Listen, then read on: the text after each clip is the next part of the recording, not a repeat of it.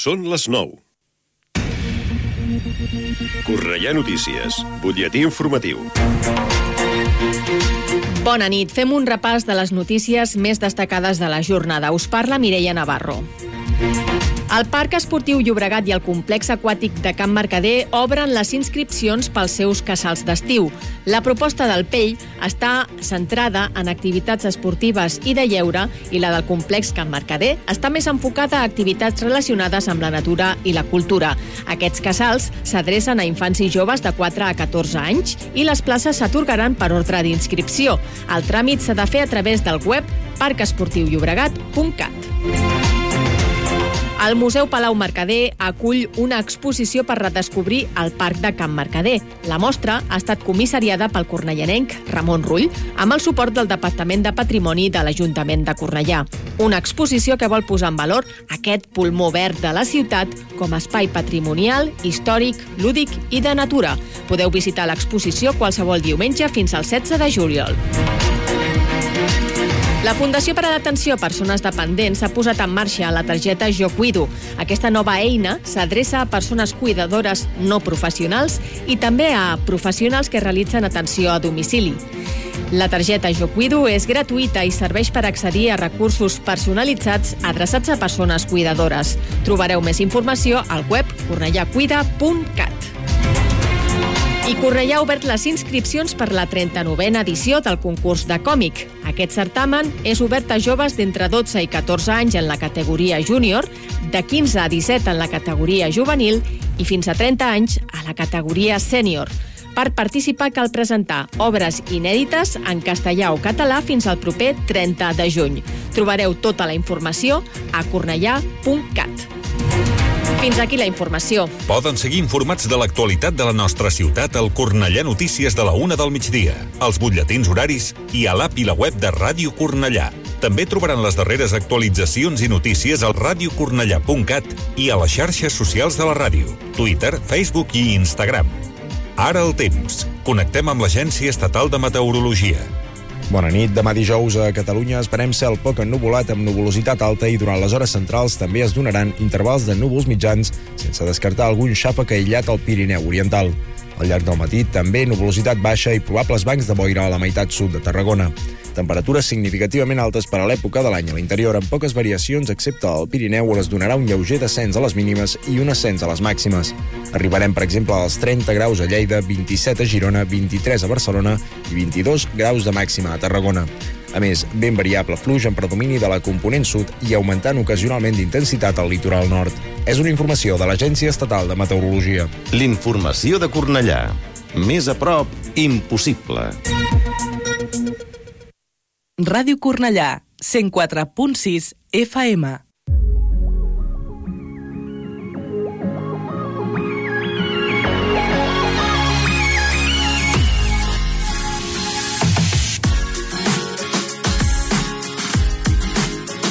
Ara comença Let's Go Creu Roja, mitja lluna roja i cristal roig, amb el patrocini de Conxeroria Montserrat.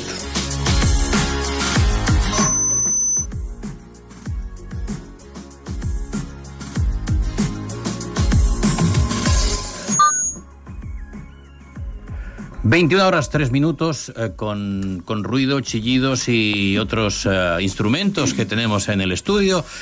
Hacemos el inicio del programa de hoy, 26 de abril de 2023. Estamos en la hora de Cruz Roja, como sabéis.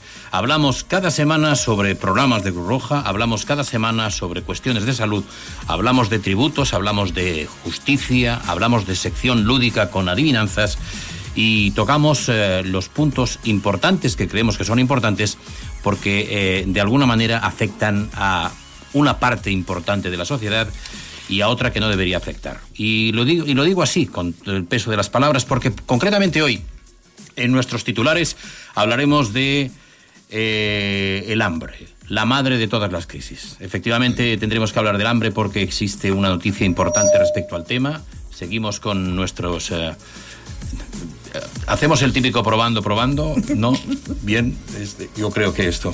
Bien, entonces decíamos que eh, hablaremos del hambre, hablaremos de África como la próxima fábrica del mundo, algo importante también, porque como sabéis, China ha tenido un papel importante en los últimos 20, 25 años y ese papel ahora trasciende desde el punto de vista, digamos, eh, del lugar y se va al continente africano. Haremos un pequeño recordatorio sobre la declaración de la renta, que es importante. Estamos en época, ah, desde el 11 de abril y hasta el 30 de junio, es la fecha máxima de la declaración.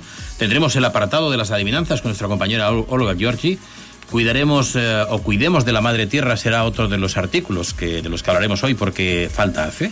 Eh, y si no, la prueba es el agua que estamos ya empezando, y hoy las noticias así hacían eco de ello, estamos empezando a implorar incluso a todos los seres eh, humanos y superhumanos para que hagan algo con respecto a la lluvia. Nos faltará la danza de los apaches, que es la que siempre hemos hablado de ella. Y tendremos el hoy viajamos, como siempre. Hablaremos de los síntomas de la falta de vitamina D y hablaremos también de un servicio de préstamo de ayudas que tiene Cruz Roja. Eh, todo ello con mis compañeros de todos los días, Emilio Aguilar, Bonanit, Bona nit. Rosa María Pastor, Bonanit, Bona nit. Nora Bacari, Bonanit. Bona nit. Y el nuestro compañero al control, eh, que está concretamente, es eh, Marford. 21 horas 6 minutos, seguimos aquí en el 104.6 de la FM y vamos eh, a hablar concretamente, pero siempre después de unos consejos sobre primeros auxilios. No t'imagines com de valuós pot ser un gest a la teva empresa. Un somriure que motiva, un senyal d'aprovació que orienta, una compressió al pit que ajuda a recuperar una parada cardiorrespiratòria. Ensenya al teu equip els gestos més valuosos. Informa't i contracta els cursos de primers auxilis per a empreses a cruzroja.es o al 902 22 22 92. Aprèn a salvar vides. 21 horas 6 minutos, estamos en el 104.6 de la FM, la hora de Cruz Roja. Y antes de empezar con las noticias de los titulares que hablábamos, queremos mandar un fuerte abrazo y unas mm, inmensas ganas para que se recupere muy rápidamente a un ex compañero de radio, amigo desde hace muchos años, de toda la vida, Paco Romero, seguramente que algunos de ustedes lo recordarán, que estuvo aquí en los años 86, 87, 88 aproximadamente. Ha sido intervenido hace muy poco tiempo de una intervención muy, muy, muy, muy delicada. Ha salido muy bien, todo va muy bien y un fuerte abrazo, Paco. Venga, esa rehabilitación para mejorarse, que es lo importante. Nosotros tenemos la obligación de seguir adelante y de, retomar el tema de los... eh, de los titulares. Decíamos que el hambre en combinación letal con otros poderosos criminales como la malaria o las diarreas es uno de los peores asesinos silenciosos del continente y golpea a los más vulnerables. Pero lo más duro de asumir es que no estamos ante una fatalidad africana, un sino del destino, sino que es una consecuencia directa de las acciones humanas. Usar el hambre como arma de guerra o mostrar indiferencia entre ella cuando son los otros quienes la sufren forma parte de nuestra historia como especie, lo cual no quita ni un gramo de horror. Casi 150 millones de personas, es decir, uno de cada diez africanos, sufre insuficiencia alimentaria grave. Da igual hacia dónde mires, Madagascar, Nigeria, Somalia, Kenia, Etiopía, Congo, Mozambique, Mali, Burkina Faso, Níger, La lista del hambre crece sin parar en los últimos años debido a las perturbaciones comerciales y la subida de precios derivadas de la pandemia del COVID-19 y la guerra de Ucrania. Pero incluso allí donde hay estados más o menos capaces y la ayuda humanitaria es capaz de llegar con facilidad, el hambre es una pesadilla recurrente porque sus causas son estructurales y apuntan en la dirección de un modelo económico mundial que condena a la mayoría y cuyas consecuencias se están viendo agravadas por un cambio climático provocado por el norte que el sur sufre con especial intensidad en forma de sequías o lluvias irregulares. Pero si a todo ello sumamos además la guerra, la situación alcanza tintes realmente dramáticos. En Sahel Occidental es hoy uno de los mejores ejemplos. Allí la violencia desatada desde hace más de una década por una insurgencia terrorista que paradójicamente se alimenta del hambre, el abandono y la sed de justicia de una parte la población ha provocado una crisis sin paragón. Más de 30.000 muertos y unos 4 millones de personas huidas de sus hogares nos contemplan. Mientras tanto, siguen cayendo en saco roto los sucesivos llamamientos de las agencias internacionales y las ONG para tratar de paliar en alguna medida esta situación, lo que viene a significar un intento de salvar al menos algunas miles de vidas. Con África atornillada a la urgencia que supone que cada año se dispare la malnutrición infantil y decenas de miles de niños mueran de hambre o, en el mejor de los casos, queden lastrados para el resto de sus vidas, los escasos fondos internacionales que dejan otras emergencias más chics y mediáticas se escurren siempre por este aliviadero y dejan poco margen para intentar revertir las causas profundas del problema, eternamente atrapados por la emergencia. Esa es la opinión de los miembros de ayuda humanitaria desplazados a la zona, estar inmersos eternamente en una emergencia. En el cuerno de África o en el Congo la realidad tampoco invita al optimismo. La guerra de Tigray, en el norte de Etiopía, es uno de los ejemplos más recientes de cómo usar el hambre para contribuir a la derrota de tu adversario. En las afueras de Goma, en el noroeste de la República Democrática del Congo, casi un millón de personas se alojan en las precarias casas de sus habitantes o se hacinan en cabañas improvisadas desde la resurgencia del conflicto con el grupo rebelde M23 en marzo del año pasado. Enfermedades como el cólera, que se abate por varios países africanos, y el sarampión están al acecho, todas ellas de la mano de la falta de saneamiento, agua potable y comida. El hambre, de nuevo, la madre de todas las crisis.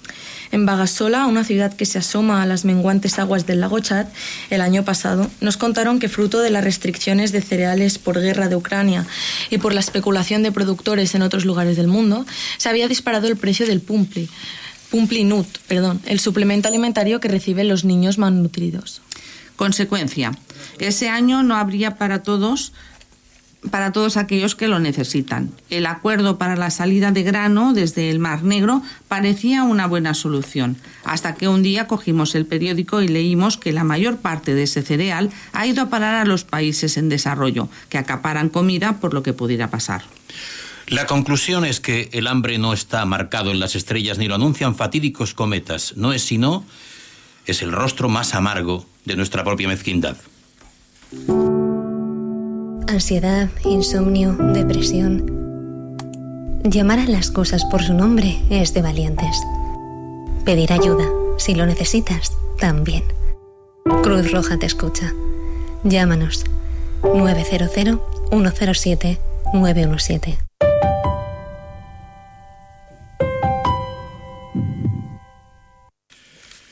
Hablábamos concretamente del, África y sabemos que el África tiene en principio un futuro. No todos los países del África, evidentemente, sino el África eh, del cual haremos alguna mención importante.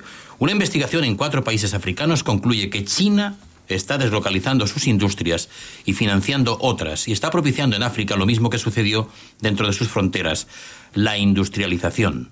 Lo único capaz de reducir significativamente la pobreza, como fue, como lo fue en la China en el pasado, pronto será África la fábrica del mundo. Irene Yuan Sun es consultora de McKinsey y autora de The Next Factory of the World. Y solo tiene 30 años, pero ha sido testigo de una época en que las calles en China tenían atascos de bicicletas y no de coches. En el cuarto de siglo transcurrido desde que se subió por primera vez a un coche en China ha pasado de producir un 2% de la producción manufacturera mundial a producir un 25%. Durante ese tiempo, el PIB de China se multiplicó por 30 y fue posible sacar de la pobreza a 750 millones de personas, la cifra más alta jamás alcanzada en un único periodo de la historia del mundo. China pasó de ser más pobre que Kenia, Lesoto y Nigeria a rivalizar con Estados Unidos por el título de mayor economía mundial. Sin embargo, por impresionantes que sean esas cifras, las verdaderas señales de desarrollo son los pequeños detalles que solo son capaces de apreciar quienes han tenido que vivir sin ellos. Por ejemplo, en China, Sprite no se considera como un capricho extraordinario, sino un refresco cotidiano. La gente hace ahora cola en el aeropuerto y no se empujan eh, ferozmente. Los establecimientos disponen de papel higiénico en los aseos y nadie piensa que subirse a un coche sea algo especial.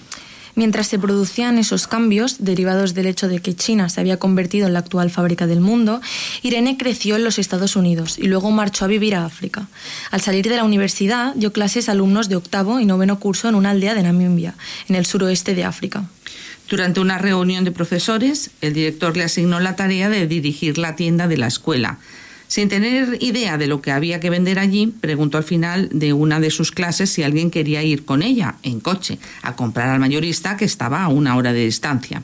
Un estallido de gritos acompañó un bosque lleno de brazos levantados. Todos querían ir. Unos cuantos alumnos le acompañaron hasta casa, suplicándome que los llevara. Le pareció una situación divertida y familiar. Conocía ese anhelo por subir a un coche y la novedad de hacerlo los coches y el spray o el papel higiénico. Quizá parezcan formas muy materialistas de definir el desarrollo, pero quienes tienen acceso a ellas suelen olvidar lo mucho que marca la modernidad para quienes no la tienen.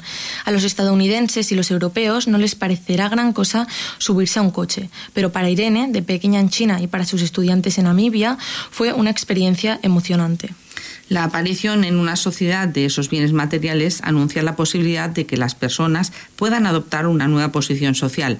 Son nuevas formas de ser y estar en el mundo, como consumidores y productores en la economía global moderna. En tanto que profesora voluntaria, Irene fue responsable de cinco clases de matemáticas e inglés en una escuela pública del África rural. Nadie discutirá la bondad inherente de enseñar a niños ni la idea de que una ciudadanía formada resulta esencial para el desarrollo de un país. Pero Irene no acertaba a ver conexión alguna entre su trabajo diario y la posibilidad de que pudieran producirse esas grandes transformaciones. La mayoría de sus alumnos eran hijos de agricultores de subsistencia y la gran mayoría de ellos lo seguirán siendo. A veces le parecía absurdo lo que estaban haciendo. Enseñaba conjugaciones de verbos irregulares de inglés a futuros agricultores de subsistencia que vivían en una árida llanura donde nadie hablaba inglés en la vida diaria. La idea de que la educación era la clave para el futuro de aquellos niños le parecía un objetivo inútil. Enseñar a los niños africanos parecía remontarse a la ideología colonial europea en África que nunca funcionó. No obstante, el destino le llevó a cruzarse con un chino que había llegado a Namibia con 17 años y había creado toda una serie de negocios con éxito. El chino se acercaba a la treintena, era rico y deseaba encontrar una esposa. Sin embargo, muy pocas mujeres chinas aceptaban vivir en África. La conversación con aquel chino pronto le dio a entender que era analfabeto, pero su escasa formación no le había impedido prosperar en el mundo de los negocios. Y le sorprendió que aquel hombre pudiera estar haciendo más por ayudar a la gente de su aldea de lo que lograba su bien intencionados esfuerzos por enseñarles cultura general.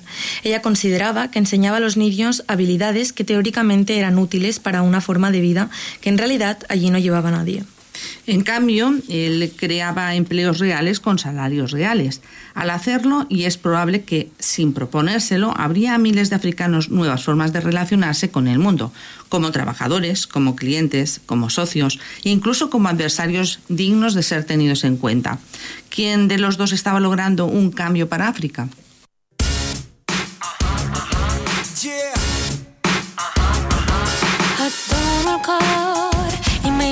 Dos mons a part.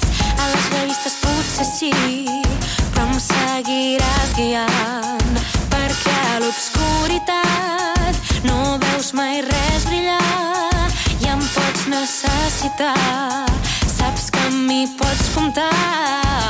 Perquè quan brilla el sol brillem nosaltres.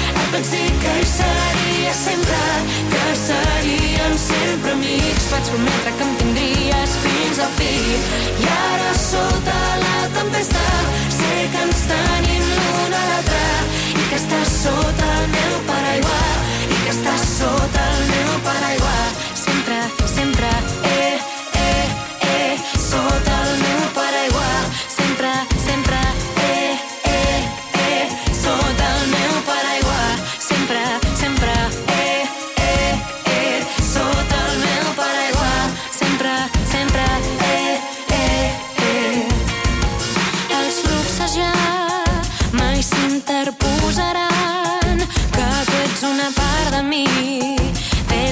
fins a l'infinit. Quan la guerra s'ha acabat, quan el món ja ha negociat, si el desig és fort, els dos junts farem l'amor. Perquè quan brilla el sol brillem nosaltres, et vaig dir que hi seria sempre, que seríem sempre amics. Vaig prometre que em tindries fins al fi.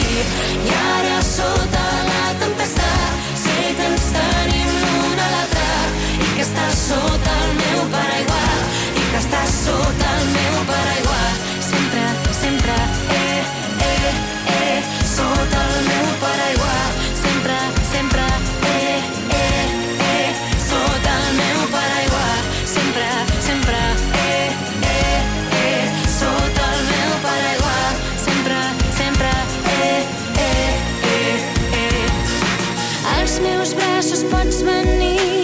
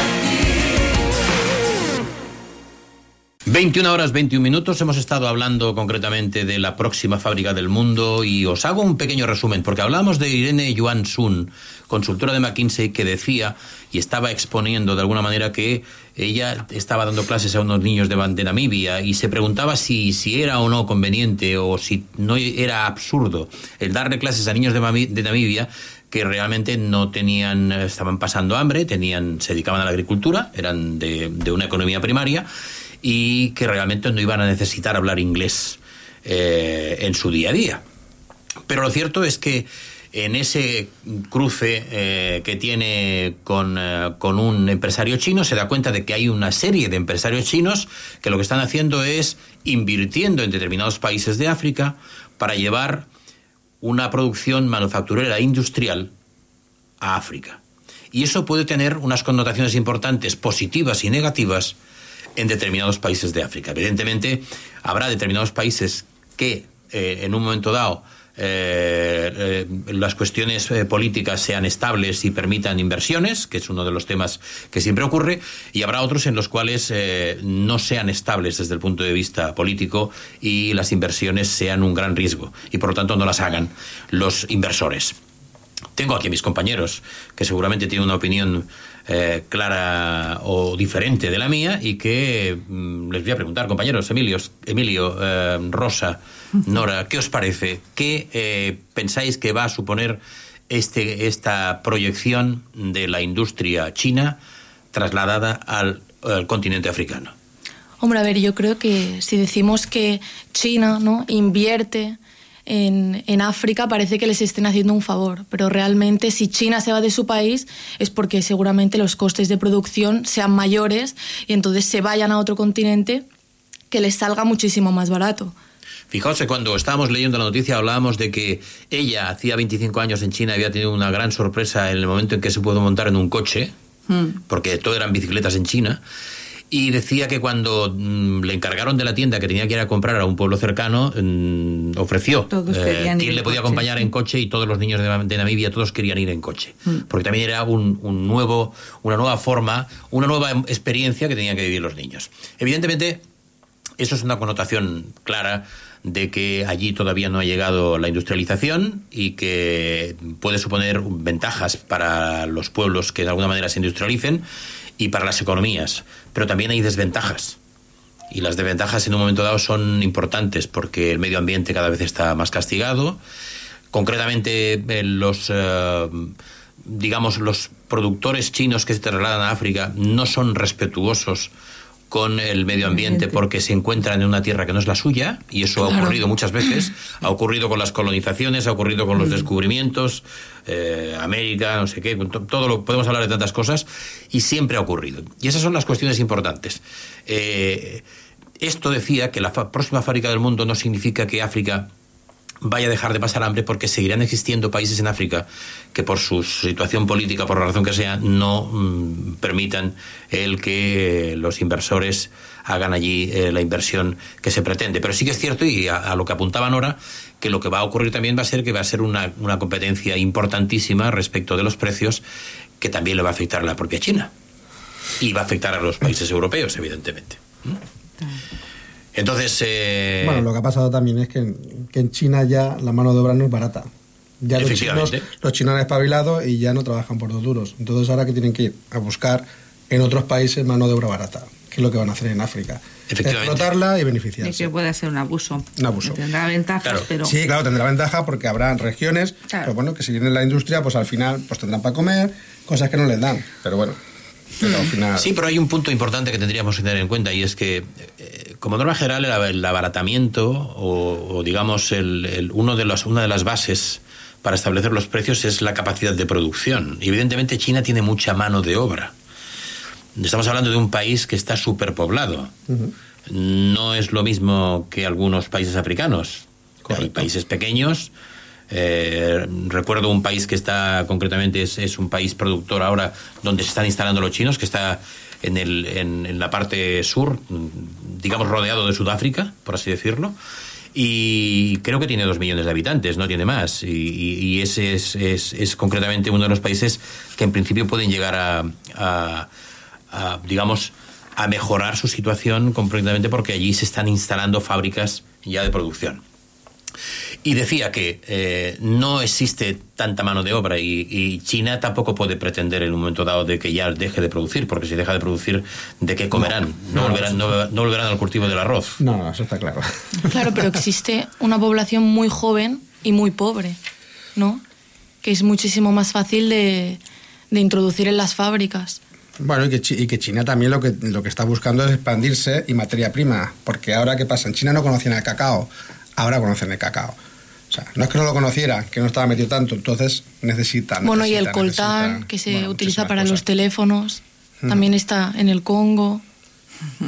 Emilio acaba también de darle al detonante, porque el hecho de, de trasladar industrias al África por parte de los chinos no solamente busca el hecho de cambiar el punto de producción, el punto de fabricación, sino también el llegar al país, enriquecerse en el país y hacer suyos determinadas materias primas que Claro. ellos todavía no saben explotar. Y volvemos otra vez al consumismo y volvemos otra vez a... Pero eso no. No, eso no. da. Yo siempre digo que hay que dar, no hay que dar el pescado, hay que dar la caña y enseñarle a pescar. Exacto. Sí, pero bueno, ya sabemos. 21 horas 27 minutos hemos estado hablando del, digamos, de la proyección que va a tener África concretamente con la industrialización que están haciendo por parte de algunos de los productores chinos y esperemos que saquemos algo de provecho de todo ello y, Y, que no afecte mucho al medio ambiente. y que no afecte en exceso al medio ambiente y que mejore la vida de los La calidad humana. De la, vida- la calidad humana, efectivamente. 21 horas 28 minutos y continuamos con nuestro programa, con la música y nos vemos enseguida.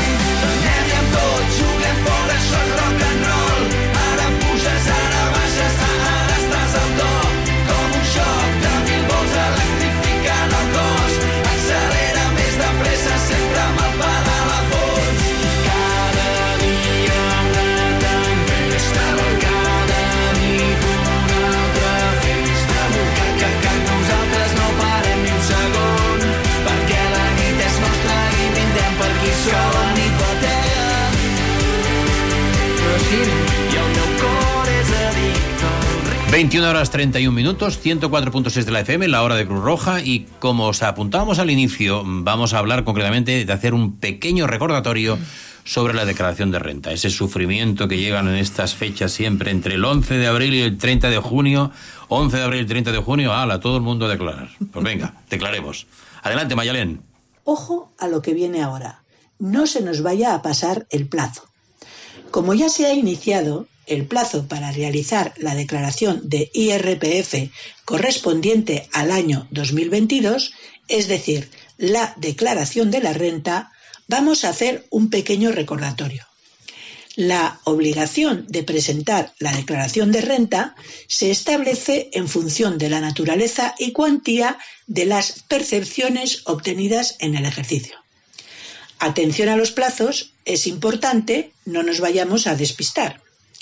El plazo para realizar la declaración de IRPF correspondiente al año 2022 se inicia en las siguientes fechas. Del 11 de abril hasta el 30 de junio de 2023 para la presentación por Internet de las declaraciones de renta y patrimonio 2022. La Agencia de Administración Tributaria podrá confeccionar su declaración de renta 2022 mediante cita telefónica. Se trata del plan llamado Plan Le Llamamos.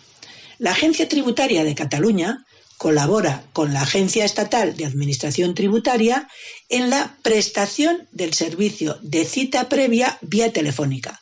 Así es que, a partir del miércoles 3 de mayo, el contribuyente que quiera que un técnico de la agencia tributaria le llame para elaborar su declaración de la renta, lo puede hacer solicitando cita previa a través de los teléfonos automáticos que son los siguientes.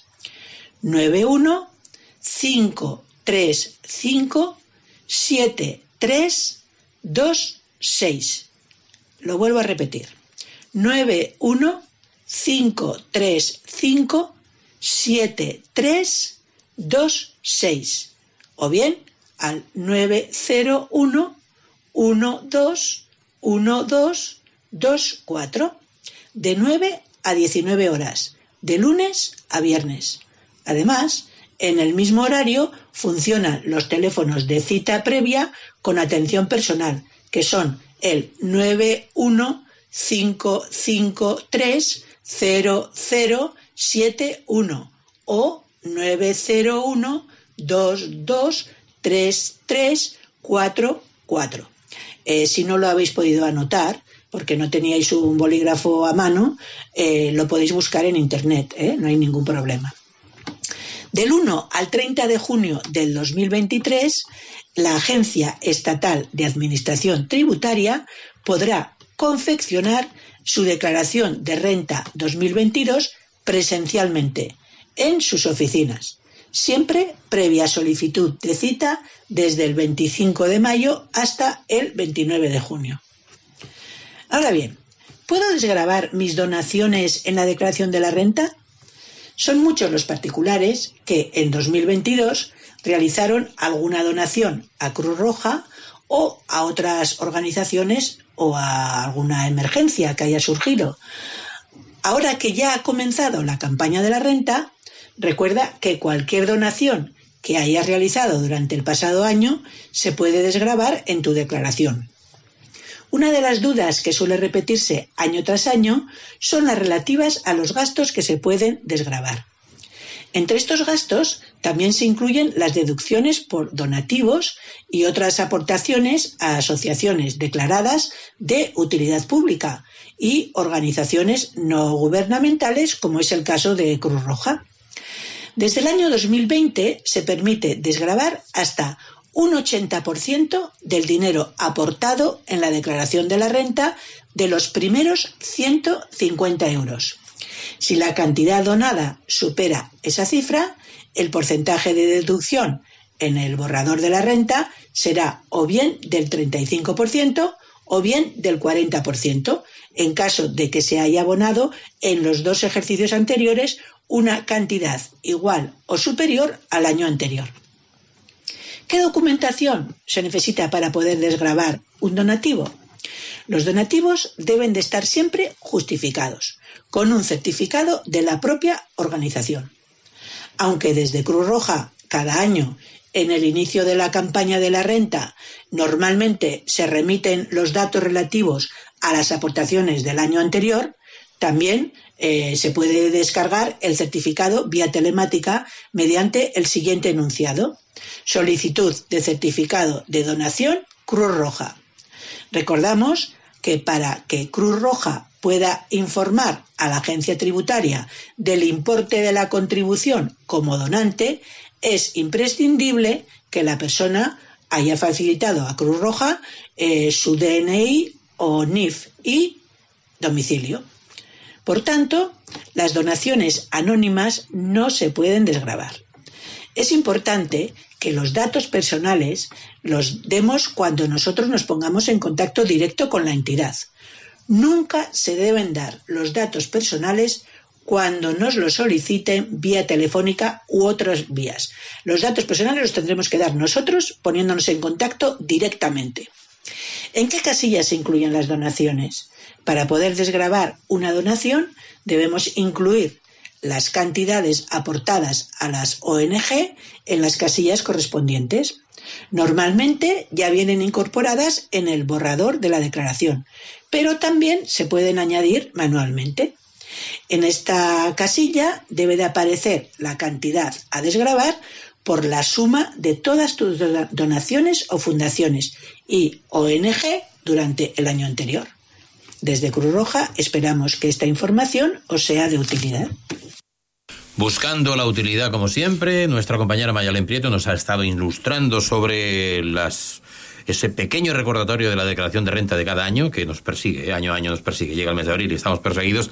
Y ahora tenemos el momento lúdico de nuestras adivinanzas. Si recordáis la semana anterior, Olga nos sorprendía con esta.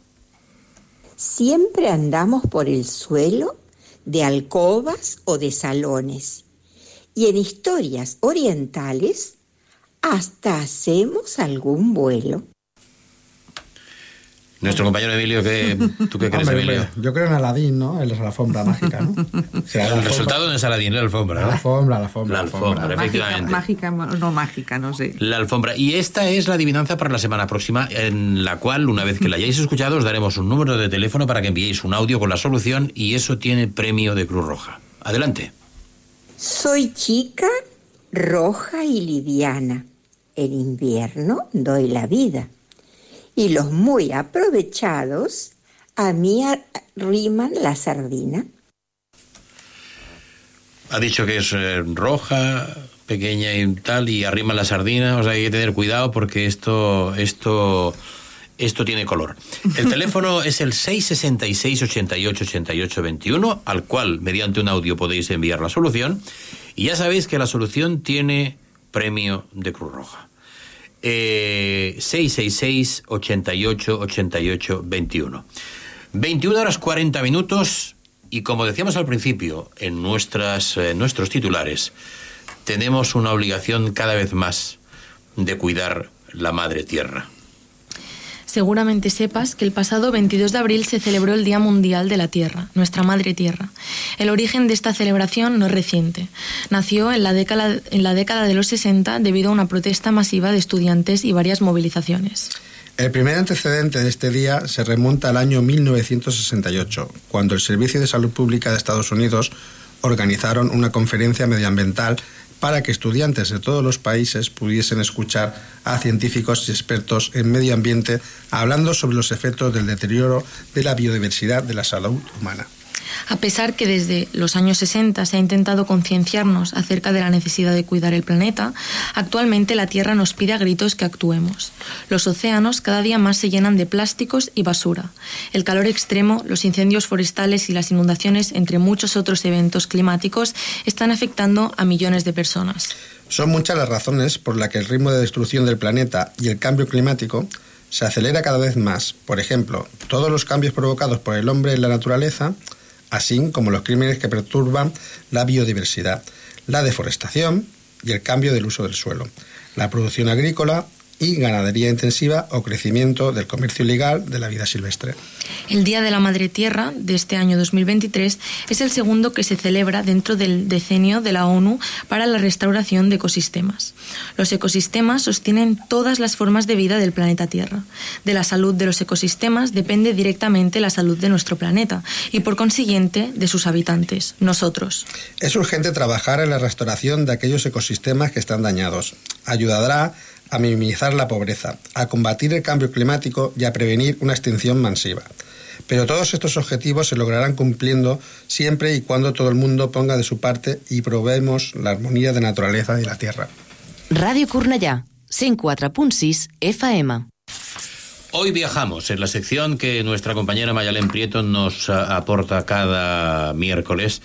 Y os recordamos de que el año pasado, digo, y el año pasado, por favor, sí que andamos con el tiempo rápido, el miércoles pasado. El miércoles pasado, quería decir, eh, nuestra compañera nos llevó a un punto geográfico concreto en el cual había un valle que había pasado Carlomagno, si recordáis, y además había habido una batalla a base de piedras y dardos, etcétera, etcétera. Y, y el resultado, la solución que obtuvimos a través del, del 666 88 88 21 era Roncesvalles, efectivamente. Era Roncesvalles, está a unos cuantos kilómetros de aquí, pero tiene una gran historia y Mayalén nos la explicó. Y ahora nos va a explicar el punto geográfico de la semana siguiente, a la cual después de conocer está muy cerca y después de conocer dónde, dónde se sitúa, tendréis que enviar un mensaje de audio al 666 88 88 21. Adelante, Mayalén, con el punto de esta semana. Hoy también vamos a salir de Cornellá, pero vamos a viajar muy cerquita, ya que nos podremos desplazar sin necesidad de utilizar el coche. Podremos ir en la línea 5 del metro, línea azul, en el tram si luego queremos andar un poco, y también podemos ir en autobús o en el tren. Vamos allá. En el año 1860 se aprueba un ambicioso plan urbanístico en Barcelona. Se trata del Plan Cerdá. En este plan, un famoso paseo de Barcelona se perfila como su eje principal y aquí comienzan a asentarse las residencias de las familias más ilustres de la ciudad. Originariamente, el edificio al que nos referimos fue construido en 1877 por Emilio Sala Cortés, uno de los profesores de arquitectura de Gaudí, cuando en Barcelona todavía no había luz eléctrica. En 1903 lo adquirió un industrial textil propietario de varias fábricas en Barcelona y destacado hombre de negocios. Del apellido de este empresario recibe el nombre el edificio al que nos referimos. Este empresario concedió total libertad creativa a Antonio Gaudí, encargándole unas obras que en principio consistían en derribar el edificio. Sin embargo, gracias a la audacia de Gaudí, se descartó el derrumbe de la casa, llevando a cabo una reforma integral entre 1904 y 1906. Debemos decir que este edificio forma parte también de la llamada Manzana de la Discordia. ¿Sabéis de qué paseo se trata? ¿A qué edificio en concreto nos referimos? ¿Os gustaría dar alguna explicación más al respecto? Si conocéis el lugar y el edificio en concreto, podéis llamar al teléfono que se os indicará. El teléfono, como, se- como sabéis, es el 666 88 88 21. Mediante un audio nos decís el paseo de cerca de Cornellá, no voy a decir la ciudad, pero y la casa, concretamente, a la que se refiere, que es un monumento artístico que se visita por miles y miles de personas cada año. 21 horas 45 minutos y la presencia de la música.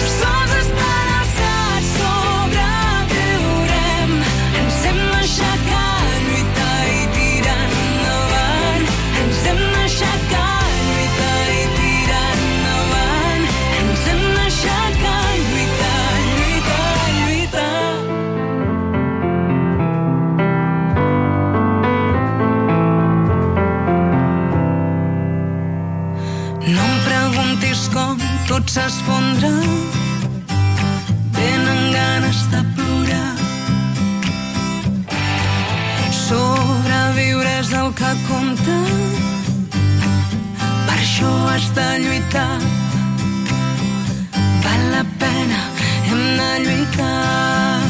Si tens esperança i veuràs llum.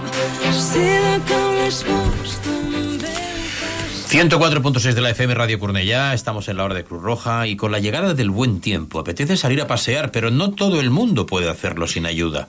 Muchas personas con problemas de movilidad necesitan una silla de ruedas o un andador para salir a la calle.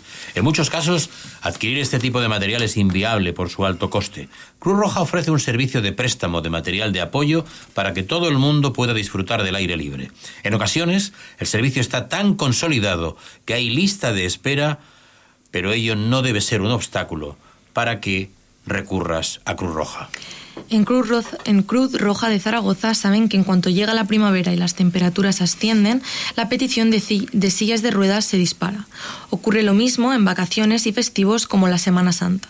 Es algo que llevan detectando desde 2008, cuando se puso en marcha el servicio de préstamo de material de apoyo que se enmarca en el proyecto Cuidado, eh, Cuidando al Cuidador y que puede eh, solicitarlo cualquier persona que lo necesite. La entrega de productos de apoyo es una respuesta para favorecer la autonomía de las personas mayores y dar apoyo a las personas cuidadoras. Desde muletas a andadores, pasando por sillas de ruedas, pero también camas articuladas. Ahora mismo tienen 400 camas o grúas para poder mover a las personas que no pueden valerse por sí mismas. En estos momentos, entre 4.000 y 5.000 personas en toda la provincia tiene algún artículo, según explica Asunción Gracia, responsable del proyecto Cuidar al Cuidador en Zaragoza. El servicio de préstamo que ofrece en Zaragoza está tan extendido que siempre tienen lista de espera. Y si eres socio voluntario tienes prioridad en estas listas. Hemos ido creciendo con los años tanto en hospitales como en los centros de salud. En cuanto una persona tiene un problema, se rompe una pierna, por ejemplo, le recomiendan que acuda a Cruz Roja. Eh, cuando finaliza el préstamo, el material pasa a un taller donde se revisa y se limpia. La demanda es tal que a veces entra en el taller por la mañana y sale por la tarde para otra persona usuaria. Señala la responsable del proyecto, además que el servicio también se incluye el desplazamiento y la entrega de material en el domicilio. Además del préstamo del material, el servicio se complementa con talleres y charlas dirigidas a las personas cuidadoras. En estas charlas, se celebran de 8 a 10 cada trimestre, se imparten desde técnicas de relajación, conductas de la persona dependientes, aseo del dependiente, organización familiar del cuidado o tratamiento de úlceras o técnicas de movilización, cama, silla y grúa. Los talleres no solo tienen lugar en Zaragoza, sino que en ocasiones se organizan en pueblos y localidades que lo requieren. Lo más importante es que las personas cuidadoras sientan que no están solas, que tienen un apoyo y se sientan acompañadas, porque en el caso de enfermedades sobrevenidas es muy fácil estar completamente perdido. Esta actividad de préstamo se realiza en muchas otras provincias de todo el territorio nacional y no solo de productos para la movilidad y posicionamiento, también hay disponibles productos para el baño y aseo, para el descanso, para la cocina. Si necesitas alguno de estos productos, pregunta en la Asamblea de Cruz Roja más cercana por la disponibilidad. Y recuerda que si tienes alguno de estos productos de apoyo en casa que ya no usas, también puedes donarlo a Cruz Roja.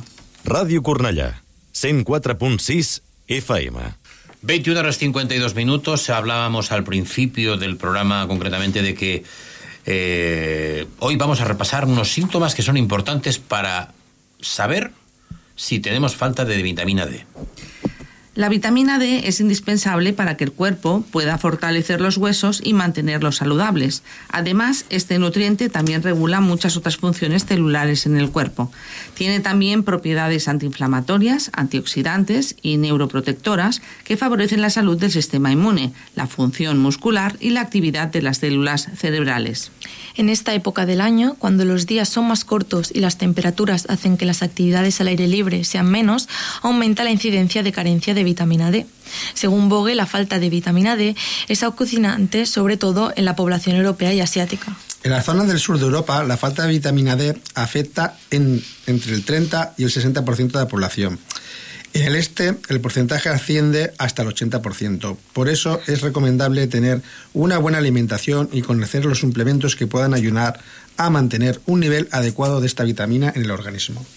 En caso de no tomar precauciones ante la falta de esta, pueden aparecer ciertas enfermedades que afectan directamente al metabolismo óseo, como el raquitismo, osteoporosis, osteomalacia. También puede ocurrir un debilitamiento de los huesos maxilares, lo que propicia la periodontitis. El cuerpo genera esta vitamina cuando recibe luz solar directa y esta convierte un químico en la piel en la forma activa de la vitamina, calciferol. A pesar de esto, también existen suplementos de esta vitamina, tanto dietéticos como medicamentos, pero solo hay que tomarlos bajo prescripción médica. Es importante seguir sus pautas en cuanto a la cantidad, frecuencia y duración del tratamiento.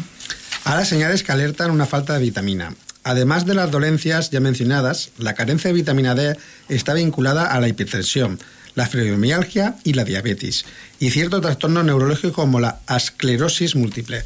La mejor forma de saber si existe la falta de vitamina D es mediante el análisis de sangre. aún hay algunos síntomas que hacen sonar la alarma. Estas señales son la fatiga, el dolor y debilidad muscular, el dolor óseo o articular, la pérdida de cabello, las enfermedades con frecuencia y la depresión, ansiedad, los cambios de humor y los trastornos del sueño. Un organismo que tiene falta de vitamina D necesita más esfuerzo para ejecutar las tareas, lo que puede derivar en fatiga y más tarde en alteraciones mentales y hormonales. En cuanto a las formas de obtener más vitamina D, hay algunos alimentos que naturalmente tienen algo de vitamina D. Estos son pescados grasos como el salmón, el atún y la caballa, o hígado de res, queso, hongos o yema de huevo. También es posible obtener la vitamina D de ciertos alimentos fortificados. Esto aparece indicado en las etiquetas de los diferentes productos, aunque los alimentos a los que a menudo se añaden vitamina D son la leche, los cereales de desayuno, zumo de naranja, otros productos lácteos como el yogur y bebidas de soja. 21 horas 55 minutos, acabamos con la vitamina D. Bueno, no acabamos con ella, queremos, queremos recuperarla, ¿eh? Pero bueno, sí que es cierto que estamos casi a punto de acabar el programa, nos quedan muy poquitos minutos y tenemos todavía muchas cosas que contaros. Sobre todo, que hem de posar-li cara al voluntariat. Correcta. I què significa això? Què passa, Emilio? Bueno, pues darle un poquito de cara y evidencia a todo lo que los voluntarios, por ejemplo, en nuestra asamblea, hacen aquí a nivel de Cornellá. En lo que ayudamos, en los proyectos que colaboramos y en todo lo que se puede llevar a cabo, colaborando también con otras entidades. ¿Y eso se llevará a cabo cuándo? Pues este día 5 de mayo por la tarde, el viernes por la tarde en Plaza de la Iglesia, pues estarán todas las entidades que colaboran a nivel altruista aquí en la zona de Cornellá y con la que colaboraremos también con una carpa Cruz Roja, donde también estaremos los payasos amenizando un poco a los críos y dando un poco a conocer todos los labores y todas las cosas que se hacen en nuestra asamblea. O sea, es como una llamada al voluntariado que todavía no lo es para que lo sea. Correcto, para que así también la nueva juventud, pues bueno, empiecen a, a formar parte de esta gran, gran, gran familia que es Cruz Roja. Por lo tanto, preparados todos que el viernes, eh, día 5 de mayo, ah, entre las 17 y las 20 horas habrá la formación de la selección para el los- próximo mundial, ¿no? de Hombre, voluntarios. Claro, claro. La selección, allí todo el mundo va con la camiseta puesta y las botas puestas. Ahí está. Y también tenemos que deciros que el día 7 de mayo tenemos una caminata especial. Sí. Que consiste además en andar unos cuantos kilómetros mm, con la compañía especial de voluntarios, voluntarias y amigos y amigas. Y que además es importante que os apuntéis eh, a través de la asamblea o a través del, del portal web, porque eh, tenéis al apuntaros os tenéis que dar la talla de la camiseta, os recibirán con una camiseta, con, con cohetes, con eh, Bueno, los cohetes- Ah, ¿no? yo, yo digo, a ver si el recibimiento tiene que ser muy... ¿eh? Bueno, es una caminada sobre todo por la inclusión, la inclusión social, ¿vale? Entonces, eh, si se quieren apuntar las personas, tendrían que hacerlo al número de teléfono del WhatsApp 647 77 78 96. 647 77 78 96. Donde ahí, como bien has dicho, decir la talla, la talla de la camiseta para que así en ese día la tengan allí. Pues ya sabéis, el próximo 7 de mayo, que además es el primer domingo de mayo, que además es el Día de la Madre, que además es el día de todo, porque ahí ya, ya concurren todos los demás días. Bueno, y, es importante también que no lo hemos dicho, donde se sale. Eso sí. Eh, saldrá del campo del atletismo de Cornellá y la hora de salida será a las nueve y media de la mañana. O sea que podemos ir a caminar, luego podemos ir con nuestras madres a hacer el vermú, a comer, a disfrutar de la familia y comenzar un día genial. Hasta aquí llegamos en el 26 de abril de 2023. Gracias, Nora. Gracias. Gracias, Rosa María Pastor, Emilio Aguilar, Gracias. Marford. Gracias a los oyentes y aquí se acaba el programa. Volvemos el próximo miércoles con la hora de Cruz Roja. Bona nit y una abrazada. don't need you anymore. Yeah, I don't need you anymore. Creus en la vida després de l'amor.